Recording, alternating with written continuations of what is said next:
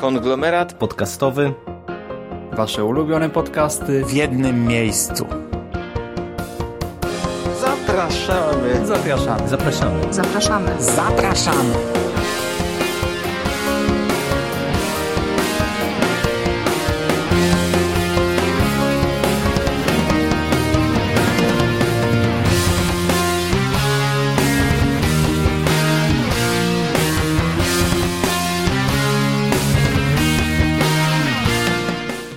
Witam Was, kochani, bardzo serdecznie w kolejnym odcinku konglomeratu podcastowego. Ja nazywam się Szymas, jest ze mną Bogusia. Przed, przywitaj się, Bogusiu. Oraz Hubert Spandowski, znany również jako Mando. Cześć, Mando. Dzień dobry, witam wszystkich słuchaczy. Dobra, no, y, koniec w takim razie wygłupów. To tak naprawdę, y, jak możecie usłyszeć, nie, nie jestem Szymasem. Nazywam się Michał i dzisiaj powitam Was w odcinku opowiadającym o serialu Seis Manos. Jest ze mną Jerry oraz Sik. Panowie, tym razem przywitajcie się swoimi własnymi głosami. Witamy, witamy jeszcze raz, witam Was ponownie, witam wszystkich słuchaczy. Ja również, dzień dobry, witam wszystkich słuchaczy. Zatem nie przedłużając... Co? Nie, nie przedłużając, yy, dzisiaj porozmawiamy o serialu Seis Manos. Jest to yy, animacja Netflixowa, yy, która ukazała się rok temu. Omawiamy ten serial głównie z mojej inicjatywy, ponieważ jak, jak, gdy ja go obejrzałem, od razu uznałem, Sikowi się to spodoba i mu napisałem na Facebooku. I Sik odpisał, że obejrzy i obejrzał. Potem yy, napisałem Jeremu, że mu się spodoba i Jerry też obejrzał i też mu się spodobało i właśnie teraz tutaj jesteśmy, żeby opowiedzieć wam o was, żebyście wy obejrzeli i żeby wam również się spodobało. Czyż nie tak, panowie? Tak, ale ja miałem pierwszy taki kontakt dosyć średni. Yy, po prostu zacząłem to oglądać chyba w zły dzień. Yy, natomiast za drugim razem, po, po jakimś miesiącu, po, przyszedłem tego serialu i, i złapałem bakcyla. Naprawdę fajna produkcja. I dziękuję Ci z tego miejsca, że mi go poleciłeś. Ależ, ależ proszę bardzo. A zatem, y, ten serial jest dziwny z wielu powodów. Przede wszystkim jest to serial animowany, co jak na tego typu produkcje jest y, rzeczą dość dziwną, ponieważ y, jest to serial dla dorosłych, ale gdy mówimy o serialach animowanych dla dorosłych, zwykle no staje nam przed oczyma South Park, albo Bojack Horseman, albo Family Guy, albo inne podobne sitcomy. Tymczasem jest to serial akcji. I to akcji dość niezwykłej, ponieważ Jerry. No jest to serial, który łączy tak naprawdę bardzo różne konwencje, bo mamy tutaj i horror, i kino gangsterskie, i black exploitation, i przebitki na wojnę w Wietnamie ulubioną przez Sika, i folklor meksykański. No, czego byście sobie nie wymyślili, to, to wszystko tutaj w tym serialu pewnie znajdziecie, a tym bardziej, że jego akcja rozgrywa się w latach 70., czyli jeszcze mamy to wszystko unożone w klimacie właśnie kina z tamtego okresu, kina jakiegoś grindhouse'owego, palpowego, także tak, przedziwna rzecz, przedziwna mieszanka. A zatem pokrótce o fabule. Serial rozgrywa się w latach 70. w fikcyjnej małej miejscowości położonej w Meksyku, którą trzęsie lokalny mafiozo. Ów mafiozo posługuje się magią, ależ ale na razie ujmijmy to w duży cudzysłów, ponieważ sprawa jest odrobinę bardziej skomplikowana. W serialu, głównymi bohaterami serialu jest trójka sierot, młodych dorosłych osób wychowanych przez chińskiego emigranta i mistrza sztuk walki, który z niejasnych na początku serialu przyczyn ukrywa się właśnie w Meksyku przed nie zdradzę kim, sami obejrzycie i zobaczycie. Ów mistrz sztuk walki trenuje naszych, naszą trójkę rodzeństwa w sztukach właśnie y, walki, ale powiedziałem, y, pewnego dnia dochodzi do, y, ta sielanka zostaje przerwana. Ich mistrz ginie, ich dom zostaje napadnięty przez dziwne istoty, które wydają się mieć nadnaturalną, nadprzyrodzoną naturę i nasze rodzeństwo musi rozwiązać tę zagadkę oraz co równie istotne, musi rozwiązać swoje problemy rodzinne, swoje problemy między sobą. Każdy z nich bowiem ma pewien zestaw traum, które niesie przez, ze sobą przez całe życie. Jest również drugi wątek, wątek czarnoskórego amerykańskiego policjanta, który został wysłany do tego miasteczka, by zbadać sprawę, co to była za sprawa, panowie, coś z narkotykami. Tak, przede wszystkim ten ów mafiozo jest, jest gangsterem i jest, stoi na czele wielkiego kartelu, który mm, handluje narkotykami, a Brister jest y, agentem DEA. Otóż właśnie. I on wpada w cały ten galimatias y, gangsterskich porachunków, y, meksykańskiego folkloru i azjatyckich sztuk walki, dorzucając własny taki y, black nowy, ale powiedziałem black taki element y, charakterystyczny dla y, kina Black Exploitation. A zatem, panowie, jak wrażenia? No ja całościowo byłem po y, seansie bardzo ukontentowany, bo raz mamy tutaj bardzo kompetentnie i dobrze opowiedzianą historię, co więcej, historię, która jest poskładana z teoretycznie nieprzystających do siebie elementów, które bardzo dobrze grają. E, I po trzecie, e, całość jest naszpikowana bardzo fajnymi szczególikami, które mm, powodują, że ja e, przez cały seans, w każdym jednym odcinku miałem poczucie, że mm, to jest serial zrobiony przez ludzi, którzy wiedzieli, co chcą zrobić, wiedzieli, jak chcą to zrobić i wiedzieli, jak dostarczyć rozrywki nam widzom XXI wieku, którzy gdzieś tam trochę pewnie w tym kinie takim palpowym, e, ty, ty, tym kinie lat 70., 60. E, siedzieli i, i odwołując się do tychże wzorców, e, robią coś, co nie jest może jakoś bardzo świeże, unikatowe i, i nietypowe, ale robią to niesamowicie dobrze i w niesamowicie satysfakcjonujący według mnie sposób. No tutaj warto dodać, że cały serial, mimo że jest dobry, to on jest stylizowany trochę na złe kino, na kino klasy B. Mm, znaczy trochę, to jest w ogóle mocno stylizowany na kino klasy B. I chyba jego największą właśnie dla mnie zaletą jest to, że miesza właśnie te wszystkie gatunki z, z kina grindhouse'owego, tak jak Jerry wspomniał, e, więc mamy do czynienia z kinem kung fu. Ale i chyba i szerzej w ogóle z kina klasy B ponieważ i mamy horror klasy B, i mamy kino kopane klasy B, i mamy Grindhouse klasy B. Nie istnieje Grindhouse klasy A. Znaczy nie no, Grindhouse to jest kino klasy B, to jest to przynajmniej a, ja, to, a, ja, nie, nie, to... ja tę definicję tak rozumiem, że yy, kina grindhouse'owe, czyli grające te, te, te, te, te tanie produkcje, yy, one się przekształciły po prostu i zniknęły. E, prze, przemieniły się w kino klasy B dostępne na VHS-ach, a teraz dostępne w streamingu. To są, to, to, to dla mnie Grindhouse no to, to jest ten, to jest to złe kino lat 60., 70., przynajmniej ja tak to rozumiem. E, oczywiście Mm, ono się tam miało swoje wyróżniki, czyli to była przemoc, to była krew, e, bo wiadomo, że było na przykład w latach 50., 60. mieliśmy złe kino i to było na przykład science fiction, takie tanie z jakimiś śmiesznymi, dziwnymi kosmitami, robotami, ale no, tak jak się kino zmienia, tak zmieniało się właśnie kino klasy B i, i e, no to to tak ja to nazywam. No. Mam, mam, może, może mam złą definicję.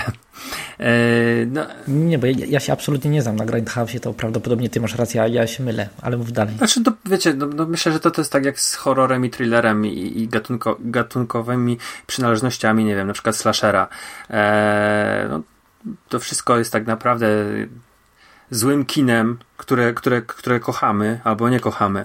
E, i wiecie, ja na przykład strasznie mi się to podobało, że były te sztuki walki, um, które nawiązywały do właśnie kina Hongkongu, mieliśmy tych wszystkich bohaterów, którzy każdy walczył innym stylem. Gdzieś tam e, Isabela miała inną postawę niż Silencio. Jesus, ich ten brat, e, walczył stylem pijanego mistrza. Do tego jeszcze dochodził ten ich mistrz Chiu, który też w innej postawie walczył. Gdzieś tam przywodziło mi na myśl te wszystkie produkcje, które, które oglądałem nawet niedawno, powtarzając sobie mm, jednorękiego mistrza czy szermierza, to po pierwsze. Po drugie właśnie te motywy horrorowe, które były moim zdaniem bardzo fajnie w jakiś tam sposób z pewnego rodzaju, no nie wiem czy hołdem, ale na pewno z poszanowaniem mm, wierzeń meksykańskich pokazane była tam, tam, tam czarna magia, była też jakaś taka wiedźma, która pomagała w jakiś tam sposób bohaterom. Mm, Santa, Santa Lucifera, która była takim odpowiednikiem Santa Muerte, Matki Śmierci, e, której łzy zmieniały mm, przydupasów Elbalde e, w potwory. Zresztą sam Elbalde zmieniał się. Ta głowa kartelu zmieniała się w jakiegoś takiego super potężnego e, potwora, bestię mm, z kostnymi na, na, na roślami na swoim ciele. No to wszystko było bardzo smakowite i, i pachniało kinem lat 70. Nawet tutaj w obrazie było to widać, gdzie twórcy zdecydowali się e, wprowadzić zanieczyszczenia, tak jak były wtedy na taśmach e, celuloidowych, to tutaj mogliśmy je oglądać, e, no już wprowadzone cyfrowo, a przy okazji też muzyka która, która też idealnie się mm, w to wszystko wpisywała, bo mieliśmy takie fajne akcenty mm, folklor, folklorystyczne, a zaraz później zmieniała się muzyka na taką bardziej, no nie wiem, czarną muzykę, disco, którą, która była w scenach z Bristerem. Także tutaj no, no, widać to było, że, że z, z wielkim e, sercem było podejście do tego właśnie stylizacji. Dobra, po jednej rzeczy, panowie, która wam się najbardziej w tym serialu podobała. Ja może zacznę. Jest to, jest pewna y, scena, y, która pokazuje y, retrospekcję jednej z postaci. I ta retrospekcja jest pokazana y, w ten sposób, że jedna z bohaterek ogląda telewizor, ogląda program telewizji, telenowelę y, i w pewnym momencie zaczynają dziać się rzeczy nadnaturalne i ta telenowela zaczyna tak jakby prze, przepoczwarzać się w retrospekcję. To jest potraktowane jako taka scena quasi-horrorowa, która jednocześnie robi klimat, jednocześnie posuwa akcję do przodu, jednocześnie daje nam informację o przeszłości pewnej kluczowej postaci. E, I to jest przeprowadzone po prostu świetnie na wszystkich poziomach. To jest moja ulubiona scena z Seismanos. Panowie? No ja nie wiem, czy mamy jakąś jedną ulubioną scenę, ale e, to, co e, mi się najbardziej spodobało, to umiłowanie twórców, e, scenarzystów do różnego rodzaju szczegółów i patentów, bo tutaj, tak jak wspominamy o, tych, o tym miksie takim bardzo nieprzystających, wydawałoby się do siebie konwencji, no bo to, co Sik wspomniałaś o tym, że tutaj twórcy czerpią pełnymi garściami właśnie z Grindhouse'u, z kina lat 60 70. To wszystko tutaj widać, ale jest to zrobione niesamowicie dobrze i jeszcze mam wrażenie podbite, no bo też e, aż takiego miksu to ja w sumie nie kojarzę, żebyśmy mieli e, właśnie to, to kino kung fu, czy, czy kino kopane wymieszane z black exploitation, wymieszane z horrorem, z jakimiś wierzeniami ludowymi. Tutaj to wszystko zostało połączone, a do tego każdy z tych elementów, każdy z tych segmentów, który dostajemy, czyli jeżeli weźmiemy pod uwagę, nie wiem, black exploitation w osobie Bristol jeżeli weźmiemy kino kung fu w postaci tych głównych bohaterów i mistrza Chu, jeżeli weźmiemy horror, e, każdy z tych elementów jest e, według mnie e, niesamowity z takim niesamowitym wyczuciem i w, niesamowite, w niesamowicie fajny sposób poprowadzony i mm, dopakowany fajnymi szczegółami, które z jednej strony budują nam wiarygodne postaci, bo to jest dla mnie też fajna rzecz, że w sumie w takiej palpowej, e, prostej rozrywce dostajemy naprawdę całą plejadę jakoś tam interesujących i wyrazistych postaci, ale które niekoniecznie się sprowadzają nam do, do jednej cechy, tylko też potrafią przejść w trakcie serialu jakąś tam przemianę. I, i to, że właśnie dostajemy tak niesamowicie dużo różnego rodzaju fajnych smaczków, to, to co też Sik wspomniałaś, nie? chociażby to, że muzyka się zmienia przy okazji y, wejścia y, takich, a nie innych postaci. Mm, to, że y, mamy stylizację w animacji, jeżeli chodzi o te, te zanieczyszczenia mm, taśmy, to, że mamy w pewien sposób inaczej prezentowane, nie wiem, sceny akcji, czy mamy te, te fajnie pokazywany ten body horror, który tutaj nam jest serwowany jest to inaczej troszeczkę wszystko portretowane niż na przykład w momencie, kiedy e, widzimy w finałowych odcinkach i nagle mamy mm, e, jakieś tam egzorcyzmy, duchy, e, ciała astralne i tak dalej, i tak dalej. No, ja miałem cały czas w trakcie seansu poczucie, że twórcy próbują nas zaskakiwać, bo mamy tutaj niesamowicie dużo twistów, ale to jest wszystko bardzo, bardzo przemyślane, bardzo dobrze ułożone i właśnie świetnie podbudowane w, nawet w tych najprostszych elementach, tak jak też chociażby ta sekwencja, o której ty, mm, e, Michał, wspomniałeś e, z tym telewizorem, no to to jest też właśnie bardzo dobry przykład na to, że mamy mm, przecież sekwencję, która z jednej strony e, buduje atmosferę, z drugiej strony jest retrospekcją, która podbudowuje nam postaci, dobudowuje nam tak naprawdę kolejny, mm, kolejne piętro w całym głównym wątku. I, i jedna teoretycznie krótka, prosta scena spełnia bardzo wiele funkcji i, i to jest super. Dla mnie to jest naprawdę wielka rzecz w tym króciutkim, małym serialu. Siku, jaka jest twoja ulubiona rzecz? Ja mam więcej niż jedną, ale to będą krótkie. Dawaj, dawaj. Y, Dane Trejo jako głos głównego złego. Bardzo mi się ten zabieg podobał. Eee, Dany Trejo może sobie dopisać kolejną postać do, do listy 150 e, postaci, które zginęły, które odtwarzał. Znaczy nie wiem, czy 150 to jest, ale tak sobie zażartowałem. Druga rzecz to jest atak na posterunek. Mamy jeden tak, odcinek, gdzie rzecz. nasza ekipa, nasza ekipa zostaje zamknięta na, na posterunku policji. E, mamy oficer Garcia, mm, Bristera i trójkę rodzeństwa oraz pijaczka.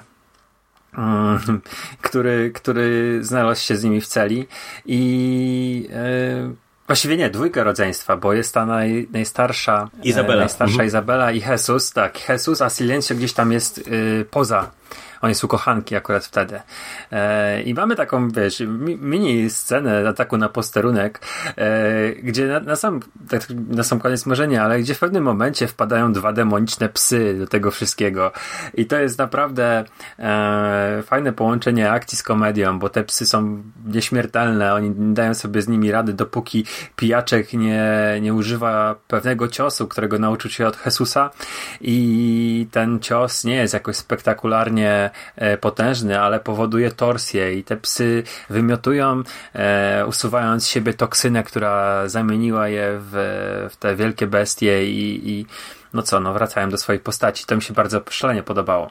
E, I to był chyba moim zdaniem jeden z takich fajniejszych odcinków. I jeszcze jest taki jeden motyw, który jest związany bardzo mocno z Bristerem. Mm, jest to, tak jak wspomniał e, Michał, Michał Michael, e, Afroamerykanin, weteran Wietnamu. Więc Wietnam jest, mój ukochany Wietnam. E, I, i Brister jest e, gościem taki hot chocolate, nie? Jak wyciągnięty z Blaxploitation.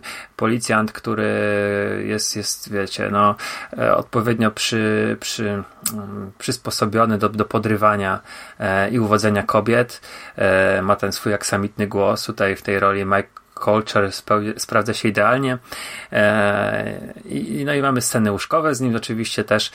No i on jedzie jako szef no powiedzmy może nie szef, ale jako ten, który jest zwierzchnikiem tej e, międzynarodowej akcji, e, specjalnej grupy do miasteczka, którego nie rozumie, nie umie słowa po hiszpańsku, e, odnosi się z pogardą do Meksykanów bo jest Amerykaninem i nieważne, że w Ameryce spotyka go rasizm ze strony swoich białych kolegów, swojego szefa, ale e, on jedzie do Meksyku i po prostu jest, jest rasistą wobec tych wszystkich ludzi. Poza tym jest jeszcze szowinistą i ta jego współpraca z Garcją, e, skądinąd znudzoną e, policjantką, bo to całe miasteczko na początku wydaje się, to San Simon wydaje się idyllą. E, tam no, ona nie ma co robić, goni chłopaka, który ukradł mango i to jest robota na cały dzień. E, więc gdzieś to, gdzieś to wszystko, e, te, te, te ich relacje się przez cały sezon, przez te osiem odcinków krystalizują i on jest zupełnie inną postacią na sam koniec niż go poznajemy. Tak samo sympatyczną, tak samo uroczą, ale jednak, e, jednak zupełnie inną, już z innym podejściem do, do swojej koleżanki i, i do tego wszystkiego, z czym miał kontakt, bo to jest no, racjonalista, to jest, to jest czarnoskóry macho, który wierzy tylko w miłość i to, co widzi. a tutaj ma jednak tą konfrontację z nadprzyrodzonym, z supernaturalnym. No to jest bardzo fajna postać. I chciałbym jeszcze Właśnie... dodać jedną rzecz sprostować, mhm. bo zaraz to się pojawi w komentarzach, który będzie mi wy, wy, wykładał, co to jest Grindhouse, że to ja wiem, to, to jest kino. Yy, Grindhouse'ami nazywano te kina, gdzie były właśnie wyświetlane double feature'y, yy, kino kung fu, horrory, ale to po prostu, no mówi się kino grindhouse'owe, to jest taki wymiennik na kino klasy B, żeby tutaj już sprostować, żeby ktoś się nie, nie pluł w komentarzach. No to no przynajmniej ja, ja się doedukowałem w takim wypadku. No dobra, panowie. Yy... Co dalej? Który wątek indywidualny postaci Wam się podoba? Ponieważ ten serial jest świetny między innymi z tego powodu, że każda postać ma jakiś swój wątek, choćby był krótki. Bo tak, yy, Izabela chce pozbierać tę swoją rodzinę, która jej się trochę sypie po śmierci mistrza. E, Jesus ma trochę, e, no, nie, nie może otrząsnąć się właśnie, e, nie może wyjść z żałoby. Silencio w ogóle jest jednym wielkim, no nie wiem. Człowiek zemsta. Tak, nie, to, to, to jest człowiek, który potrzebuje sztabu terapeutów, żeby w ogóle normalnie funkcjonować, a ich nie dostaje, zamiast tego dostaje jeszcze więcej traum. Mamy, tak jak mówiłeś, tego naszego pana policjanta z Ameryki. Mamy Garcia, która, y, która musi wejść w tą rolę takiej y, strażniczki nad, nadprzyrodzonych rzeczy w okolicy, ponieważ ta jej poprzednia wiedźma umiera, a ona musi jakoś tak to ogarnąć. Musi być taką nadprzyrodzoną policjantką. Mamy też Elblade, Elbalde, który no, chce zachować tę swoją pozycję i jednocześnie mamy też postać, która mimowolnie zapewnia mu jego pozycję i która też ma swoj, y, swoje cele, które chce zrealizować, żeby tak za wiele nie ujawniać. Więc y, ja byłem y, mocno zdziwiony, że w taki no, w serial akcji, w którym chodzi o właśnie, o, to jest Grindhouse, ale w, w tym, w takim serialu, który jest skupiony właśnie na gnającej na złamanie karku fabule, jest całkiem dużo właśnie mm, studium charakterów studium postaci, charakterów różnych postaci. Która Wam się najbardziej podobała? Który był taki wątek najbardziej y, satysfakcjonujący dla Was? A i mam jeszcze tego mistrza, którego y, jego, niby jego brat tam próbuje go, y, no, przybywa do Meksyku i wchodzi w relację z tym y, rodzeństwem, więc y, to też jest pewien wątek, który trochę postmortem jest prowadzony. No ja już powiedziałem, że Brister jest, jest, jest moim ulubieńcem tutaj. Ale, ale to, to tak, Siku, jak ty, ty wspomniałeś, to ja też sobie tak pomyślałem, że w, w kontekście postaci to chyba on e, paradoksalnie, mimo że gra drugie, czy, czy żeby nie powiedzieć trzecie skrzypce, to e, to jest jedna z najsympatyczniejszych i najfajniej prowadzonych postaci, ale też dlatego, że on w sumie raz, że ma chyba jedną z takich najbardziej długich drog, dróg do przybycia przy, przez cały ten serial, bo on jednak przechodzi jakąś tam określoną ewolucję, e, a dwa, że to jest fajna postać, która e, łączy,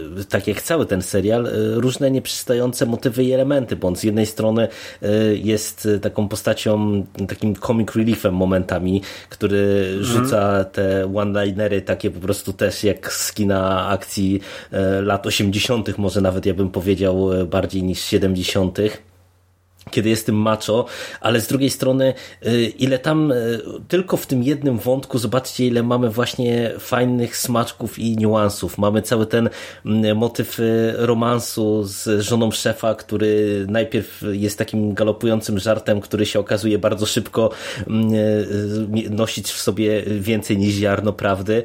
Mamy przecież to, te, te wątki tego takiego E, kulturowego, kulturowej wyższości, którą on prezentuje e, po przyjeździe do, do miasteczka.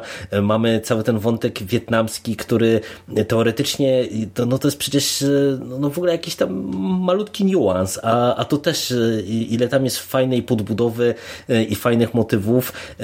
Dla mnie naprawdę to jest przykład na to, jak w krótkim serialu można dobrze poprowadzić postaci, a tak naprawdę no, on moim zdaniem się wysuwa tutaj na pierwszy plan.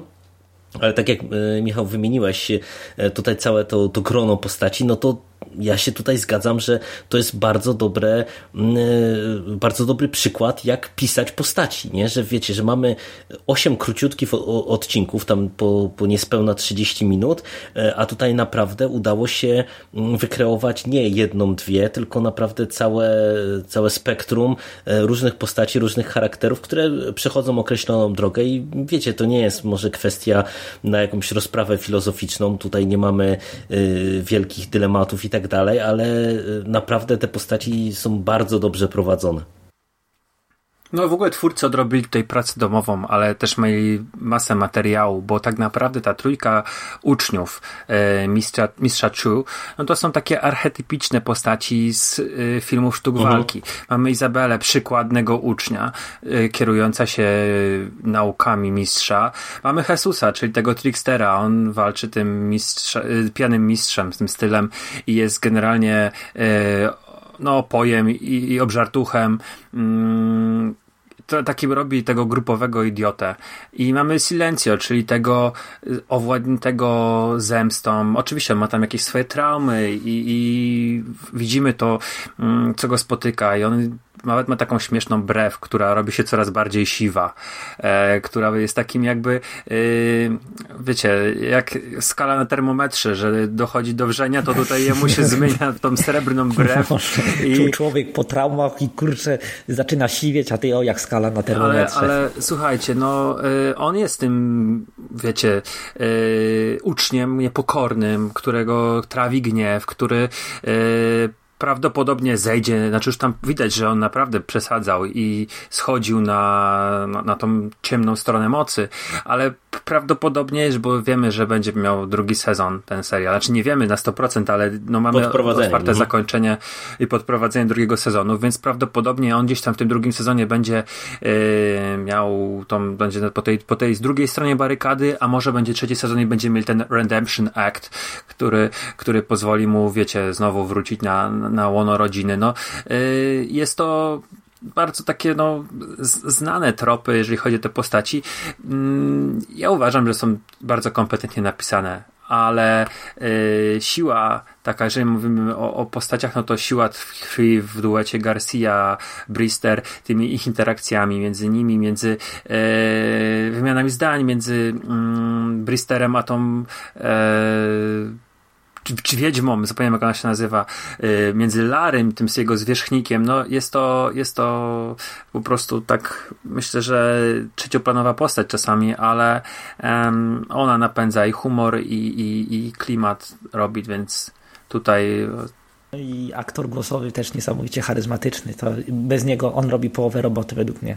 Ja, ja to bym chciał podkreślić, bo moim zdaniem to, co robi Mike Colter mm, w przypadku tej konkretnej postaci, tej kre, konkretnej kreacji, to jest dla mnie fenomen. Nie? Po prostu ten jego głos ale, ale słychać, że on się bawi tą rolą. On, on, on wie, co to jest za serial i on właśnie tak próbuje, znaczy tak strasznie szarżuje. I to, tak, to jest nie, świetne. Nie, ja tylko czekałem, jak on powie Sweet Christmas. I naprawdę liczyłem na to, że wiecie, że on w pewnym momencie Sweet Christmas tym swoim aksamitnym głosem. No ale chyba tego nie było jednak. Mm, ale nie, nie, głos, głos ma niesamowity, naprawdę jest tak dopasowany do postaci i tak fenomenalną e, robotę robi tutaj aktorsko, że, że to jest naprawdę dla mnie e, mała perełka sama w sobie. Właśnie tutaj tylko i wyłącznie ta kreacja głosowa, bo pomijając te wszystkie elementy, które tutaj chwalimy w kreacji samej postaci e, Bristera, no to, to Mike Colter odwala tutaj niesamowitą robotę. To dawno się tak nie bawiłem mm, w kontekście, y, wiecie, gry głosem, gry aktorskiej głosem. To jest no, wzorcowa robota, naprawdę wzorcowa robota. Tak, animacja. Y, serial jest animowany w stylu, który można umieścić tak między anime a y, kreską zachodnią. Postacie mają dość, dość realistyczne proporcje ciał, ale kreska jest na tyle wystylizowana, że one są nie jest to kreska realistyczna, czysto realistyczna. Y, to pozwala y, animatorom stworzyć bardzo y, realistyczne sceny walk, w tym, realistyczne w tym sensie, że czujemy ten czujemy ciężar bohaterów, że się tak nie, nie, do końca idealnie wyrażę. W momencie, w którym wyprowadzają oni ciosy, przyjmują ciosy i wszystko to świetnie gra. Kolorystyka jest bardzo ciepła, taka w stylu właśnie filmów meksykańskich, tak jak Sik mówił wcześniej, mamy ten filtr taki zmiękczający, trochę z, wprowadzający te zarysy kliszy i tak dalej. To wszystko bardzo fajnie wygląda. Jak Wam się podobał ten aspekt, panowie? Wiesz co? Ja jestem bardzo zadowolony. Powerhouse Animation Studios, które robi również e, w tej chwili um, Himena, Castlevania. Tak, Castlevania i Himena.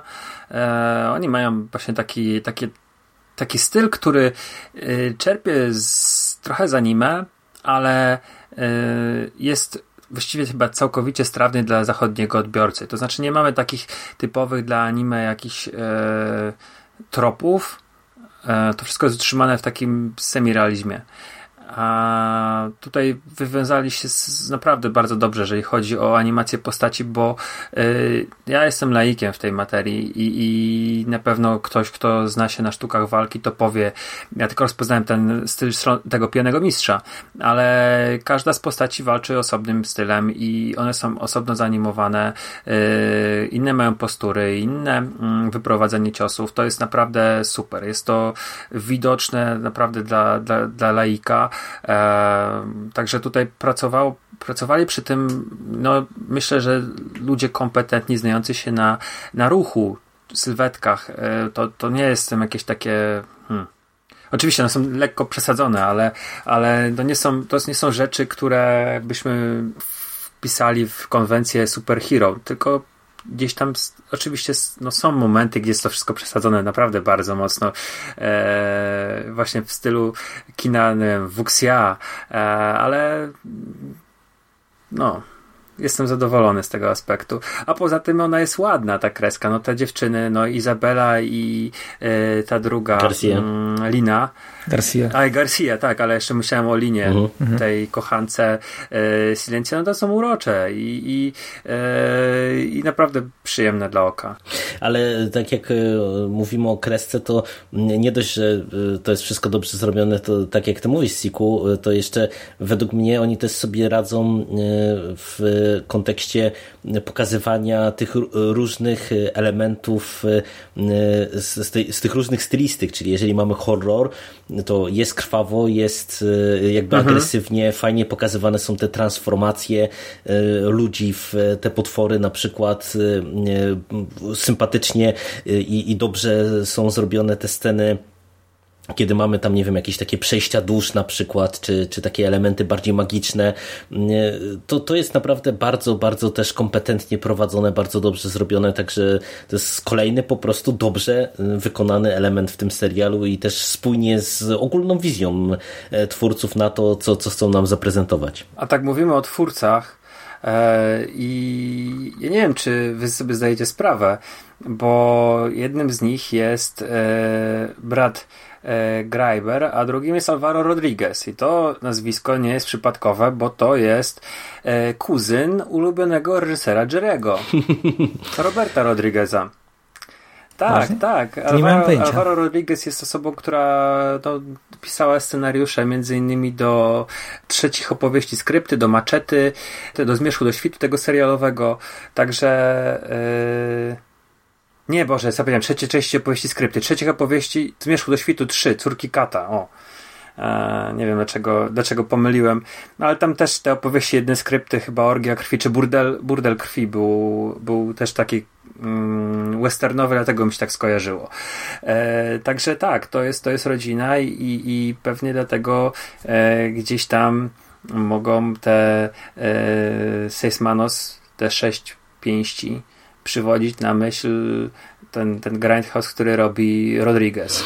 No, ak- akurat y, y, ja to z, z, bym powiedział, że to y, przywodzi na myśl to, co robi Rodriguez, ale w dużo bardziej pozytywnym kontekście, według mnie przynajmniej, Mhm. w, w tym Jasne. sensie, że nawet wspomniany przez ciebie Macheta, to kompletnie nie wiedziałem. Muszę się przyznać, że to jest rodzina do Rodrigueza i jestem w szoku, że on stał za scenariuszem na przykład do Machety. Ale mam nieodparte wrażenie, że tutaj ten serial e, robi niesamowicie dobrze to, co e, niektórzy twórcy z Rodriguezem właśnie na czele próbują w tej chwili e, robić, a co im nie do końca wychodzi, czyli próbują sięgnąć po kino z lat 60., 70., po kino pulpowe, po kino właśnie kojarzone z tym takim tanim kinem klasy B, z, z tymi filmami grindhouse'owymi. I przenieść to y, do jakby współczesnego kina i niestety ja mam wrażenie, że bardzo często to nie wychodzi. Y, ty tak Siku wspomniałaś celowo, bo wiesz, że ja nie jestem jakimś wielkim fanem Rodrigueza y, i tak jak się często, często wszyscy śmieją. To jest, to jest ten mój rolling joke, tak, bo tak. jak zawsze wchodzi Rodriguez, to ja mówię, że to jest twój tak, ulubiony tak, reżyser. Tak. No, no bo to a, ja, no, ja no bo to, to jest. Naprawdę myślałem, że to jest ulubiony reżyser. Nie, nie, nie, to jest tak, wiesz, Michał, jak z to, jak jest nie, no, to, to, to, nie wiem, nie, Patryk nie, nie wiem, tak, no to tak, możemy, możemy iść w te żarciki. E, nie, nie, nie, tutaj nie będziemy wchodzić na ulubionych reżyserów, ale ja z Rodriguezem to mam tak jak niektórzy z Metaliką, którzy z uporem maniaka powtarzają, że skończyła się na Kill Em All, to ja mam trochę zdanie, że Rodriguez się skończył na Desperado. E, jakbym był złośliwy, no trochę przesadziłem, bo jeszcze nakręcił dobrych onych, e, ale to jest temat temat na inną dyskusję. I Sin City było też bardzo dobre, nie przesadzaj. No ale Sin City, ja akurat uważam, że Sin City to jest tylko i wyłącznie zasługa Franka Millera, a nie Rodrigueza, bo on po prostu, wiesz, przełożył jeden do jednego komiks na materię filmową, więc tam jego zasługi są moim zdaniem cokolwiek dyskusyjne, ale to, to też temat na osobną dyskusję. Natomiast wracając trochę do tego Grindhouse'u, to po prostu ja nie przepadam za tym, co robi Rodriguez i niektórzy zapatrzeni w jego twórcy teraz, czyli że próbują w taki prosty sposób e, przenieść to, to kino, ale na zasadzie takiej, że e, zakładają, że to musi być kino krwawe, e, musi być kino z, nie wiem, gołymi kobietami albo mężczyznami w tle, musi być często jakoś nonsensownie, czyli mamy jakieś przegięte kino akcji albo jakieś przegięte motywy związane, nie wiem, z science fiction, horrorem czy czymkolwiek innym. I to ja mam często poczucie, że to jest robione bardzo na siłę. E, to dla mnie dobrym przykładem jest zawsze e, takie zestawienie mm, e, Maczety i Hobo with a, with a Shotgun, czyli dwóch filmów, które powstały na bazie tych fake trailerów do mm, Planet Terror, które były przy Planet Terror i filmie Quentina Tarantino, teraz mi wyleciał Death Proof, o, e, gdzie oni nakręcili właśnie to jako takie double feature. I tam były te, wiecie, te, nie wiem czy kojarzycie, te e, fake trailery. Tam była maczeta, uh-huh, tam uh-huh. chyba wilkołak e, z SS, Fumanchu i z, tak, z Nicolasem Cage'em było jakieś Homecoming chyba Eli Rota i no, generalnie było tam trochę tego. I później jak widziałem na przykład maczetę i widziałem Hobo with Shotgun, to oglądając Hobo e, miałem nieodparte wrażenie, że właśnie mm, to jest e, to, to robi człowiek, który rozumie o co w tym wszystkim chodzi, e, a w Maczecie miałem poczucie, że robi to człowiek, który lubi kino, lubi się nim bawić, ale lubi się nim bawić na planie, ale to się nie przekłada jak na dobrą rozrywkę dla widzów, bo ja po prostu się wyjątkowo mocno na tym męczyłem, nie? A jak sądzisz, a jak sądzisz, jaki jest powód właśnie tego, że na przykład no jedne są strawne, a drugie nie? Masz jakąś taką myśl, mm, ale nie wynikającą z umiejętności reżysera, tylko może coś innego, coś innego chodzi. Znaczy mi się wydaje, że to, to, to jest trochę tak, że e, to, to trzeba... E mieć w tym wszystkim jakby umiar i wiedzieć, jaką historię się chce opowiedzieć, bo e, to jest, e, nie wiem, dla mnie kasus e, właśnie wspomnianego Hobo, gdzie to jest tak naprawdę w sumie kameralna historia i tam się też dzieją rzeczy odjechane momentami, ale nadrzędna jest mimo wszystko jakaś tam y, opowieść, spójna, jakoś tam mhm. satysfakcjonująca. To mamy w Seismanos. Ja dlatego powiedziałem, że Seismanos robi trochę to, co próbuje robić Rodriguez w swoich filmach, tylko dużo lepiej.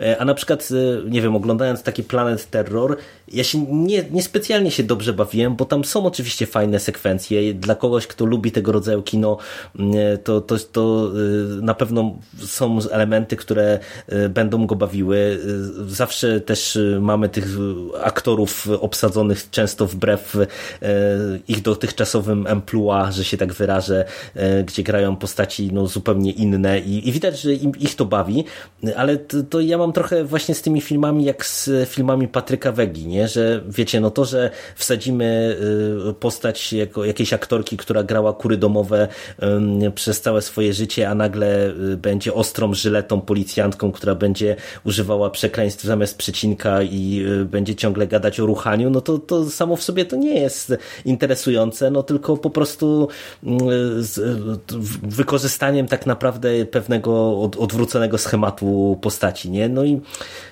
no mhm. i, to jest, wydaje mi się, problem e, przy próbie robienia kina kultowego na siłę, ale od, zaczynamy odpływać, mam wrażenie, od A, materii. Właśnie, ale nie, nie, bo, ja, bo mnie się wydaje, że tutaj yy, jest coś, czego ty nie wyraziłeś, ale to z twoich słów bije, że ważna jest szczerość. Tak, tak, tak, tak. Szczerość przede wszystkim i Seis Manos jest szczere, tak? To jest zrobione mm, z wielkim poszanowaniem, ale to nie udaje, wiecie, e, blockbustera. To nie jest tak poważnego kina, bo nawet taki Rodriguez jak kręci Machete, to tam e, to nie jest kino klasy B, bo to robi reżyser, który ma kontakty hollywoodzkie, robi to za hollywoodzkie pieniądze i e, z hollywoodzkimi aktorami i w hollywoodzkich warunkach. I to, to ta, tej, tej szczerości tam nie ma w, tych, w tym filmie.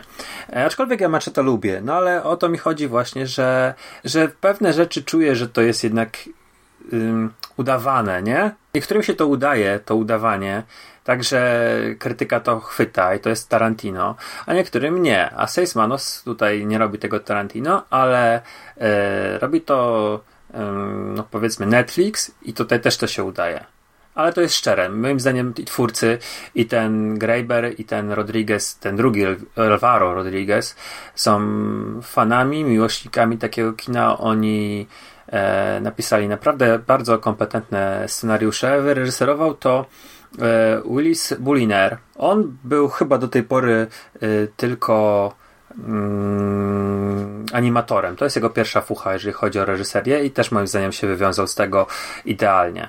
I może dlatego, że facet jest czarnoskórym, e, to dlatego ten wątek właśnie Bristera jest taki najlepszy w tym serialu. Że tak najbardziej identyfikował się z tą postacią i włożył w nią najwięcej takiego, nie wiem, takiego własnego charakteru? Nie wiem. I przez to jest ale, autentyczny? No tak nie myślisz? wiem, ale jeżeli wiesz, on, znaczy, on wyreżyserował ja wszystkie... Ja kojarzę jako bardzo... Mhm. Mów, mów. Ja, ja, go kojarzę jako bardzo wprawnego storyboardzistę. On pracował przy Castlevanii i on, on odpowiada za y, projekty potworków i widziałem, że robił bardzo dużo storyboardów, y, jeśli chodzi o sceny akcji. I jemu to bardzo dobrze wychodzi. On, on ma bardzo taki naturalny dryg do tego, więc... Y, mhm. Y, nie, nie, dziwi mnie, że w Seismanos y, właśnie te elementy też świetnie wychodziły, więc y, okej, okay, znaczy, znaczy ja może prawdopodobnie nie, dopatrywałbym się tego, ale kto wie, kto wie. No nie wiem, ja po prostu tak odbieram, ale yy, jeżeli to jest przestrzelone, kurczę, może, ale wiesz, on wyreżyserował cały serial nie, nie, nie i, i ten Blister jest dla mnie do taki no, najjaśniejszym punktem. Wiesz, on jest, on jest wepchnięty z tej Ameryki do, do świata e, połączonego Meksyku i Chin, Chin e, i zderza się z tym niewyjaśnionym i wypada tutaj naj, najlepiej. No więc tak sobie po prostu pomyślałem, że to może być dlatego.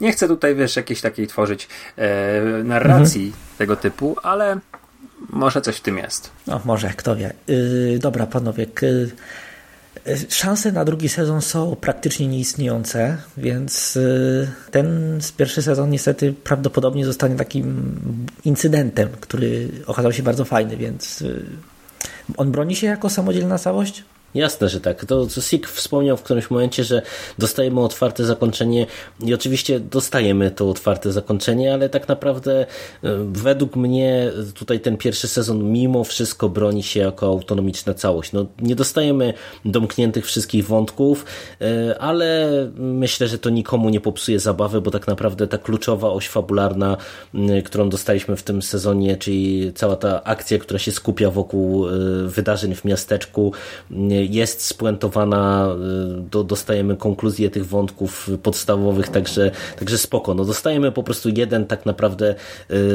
wątek konkretny, który był budowany pewnie właśnie pod kątem tego drugiego sezonu no, jeżeli będzie tak, jak e, mówisz, Michale, że tego drugiego sezonu nie dostaniemy, to szkoda, ale niech to nikogo nie zraża, bo naprawdę te 8 odcinków e, e, to jest dobra rzecz i godna uwagi. A ja tylko dodam, że ja nigdzie nie wyczytałem, a szukałem tej informacji. Nigdzie nie wyczytałem, że serial jest skasowany i ja jestem pozytywnej znaczy, myśli. On, on, nie, on, nie, jest oficjalnie skasowany, no. ale... Y bo słuchaj, Powerhouse ma teraz, robi dla Netflixa trzy seriale mhm. równocześnie, nie licząc Seis Manos. Gods and Mon Monsters, Castlevania i Himena. Dokładnie. I tak, o, oni są zawaleni robotą. Yy, nawet jakby prawdopodobnie, nawet jakby chcieli, to, ten, yy, to dla nich, ja podejrzewam, że to jest tak, że po sukcesie Castlevania oni poszli do Netflixa, zapytali się, czy sfinansują im ich własny autorski projekt, wiesz, taki passion project, który oni zawsze chcieli z, yy, zrealizować, bo z tego, co widziałem w wypowiedziach twórców, to jest właśnie dla, dla nich był taki, no, taki projekt pasji, który zawsze chcieli zrobić. Netflix powiedział, no, no, no dobra, daliście nam Castlevania, która jest sukcesem, jest macie. No i ten serial ma praktycznie, nikt o nim nie wie. Gdybym ja wam nie powiedział, to byście się o nim nie dowiedzieli, przyznajcie. Nie, nie on nawet nie wyszedł mi w proponowanych. Mhm, no, ja, ja się zgadzam. Dlatego między innymi o nim rozmawiamy, żeby szerzyć dobre słowo, dobrą nowinę. Ale trochę za późno no, rozmawiamy. to prawda. Jeśli mamy tak szerzyć, żeby to miało znaczenie. Powinniśmy nagrać to w październiku, ale słuchaj, ja nie jestem złej myśli. Myślę, że jeżeli to nie wyjdzie w formie serialu, to to jest taki materiał, że może wyjść w formie bardzo fajnej opowieści graficznej. E, komiks ja widzę tutaj z tymi postaciami, e, a jeżeli nie, no to te, to jest pierwszy, to tak, można sobie odebrać to jako e, pierwszą część filmu. Ona jest, ten wątek, e, myślę, meksykański jest zamknięty, bo El Balde no, ma, ma swój koniec, tak samo e, ta Alejandra, jego matka, mm, w pewien sposób też zostaje uwięziona no teraz wiemy, że będzie dalej pewnie wątek yy, w Ameryce, no bo DEA w jakiś tam sposób zostało w to wmieszane, ale... I w Chinach. No i w Chinach, ale myślę, że mm, jesteśmy w, na, w końcu historii. Gdzieś tam mamy to pozytywne zakończenie dla pewnej części bohaterów i, i, i możemy to spokojnie przyjąć. I tyle. Znaczy, żebyście mnie źle nie zrozumieli, ja byłbym zachwycony, gdyby się jednak okazało, że będzie drugi sezon i że dostaniemy drugi sezon i y, obejrzałbym go chyba już w dniu premiery, ale no, trzeźwo patrząc nie mam zbyt wielkich nadziei. Ja bym nie był złej myśli. Myślę, że jeżeli zrobią Himena, zrobią to Gods and Monsters, to zrobi im się luz w grafiku i będą w stanie negocjować z Netflixem drugi sezon. No, skoro tak, no to obyś miał rację. Oni teraz naprawdę. widać, że są na wyłączność Netflixa. E, nie robią jakiś hałtur na boku i... Robią. No ale to co, jakieś tam... Robią coś dla, Nickeldo, dla Nickelodeon. Ale robią... Nickelodeon ma podpisane Santiago Ale Nickelodeon ma podpisane przecież z Netflixem. O ja dobrze kojarzę. Nie wiem, A, czy, nie wiem czy. Ale tak mi się wydaje, że tak, że Nickelodeon są razem z Netflixem teraz w jakiś tam sposób. No zobaczymy. Słuchajcie, nie ma co gdybać no i, i, wróżyć z fusów, bo, bo nie jesteśmy w stanie tego przewidzieć. Ja jestem pozytywnej myśli. Ja będę trzymał kciuki. Chciałbym mimo wszystko ten drugi sezon. Mam nadzieję, że masz rację. To podsumowując, polecamy. Ja też polecam. Jednym tchem, ja jak najbardziej. Ja mam, mam parę uwag, według mnie jest trochę za, za dużo wątków napchanych i w pewnym momencie one się trochę konsumują wzajemnie, ale to jest, y, to momentami boli, ale to, to nie jest duża wada to nie jest taka kardynalnie duża wada, więc jak najbardziej ja jestem zdecydowanie na, na tak. Jerry? Zdecydowanie na tak. Ja dziękuję Ci bardzo za polecankę. Bardzo, bardzo dobrze się bawiłem w trakcie tych ośmiu odcinków i serdecznie polecam e, słuchaczom, żeby się z tym serialem zapoznali. No jeszcze powtórzę, polecam. Dla miłośników kina kopanego, dla miłośników e, horroru, animacji. Tutaj jest taki filmu gangsterskiego. O tak, dokładnie. E, wyśmie, wyśmienity gulasz. Exploitation, American. Hmm, wszystko. Tu jest wszystko i jeszcze więcej. No to kończymy. No to kończymy. To dzięki, ja dzięki, dzięki Michał za polecankę jeszcze raz i dzięki Spoko. chłopaki za rozmowę. Spoko, Spoko Jerry. Jerry. No, to dzięki, dzięki panowie. Cześć. No to do następnego usłyszenia. Hej, hej.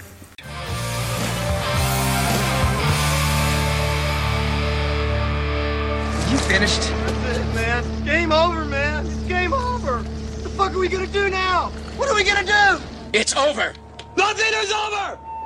Nothing! You just don't turn it off!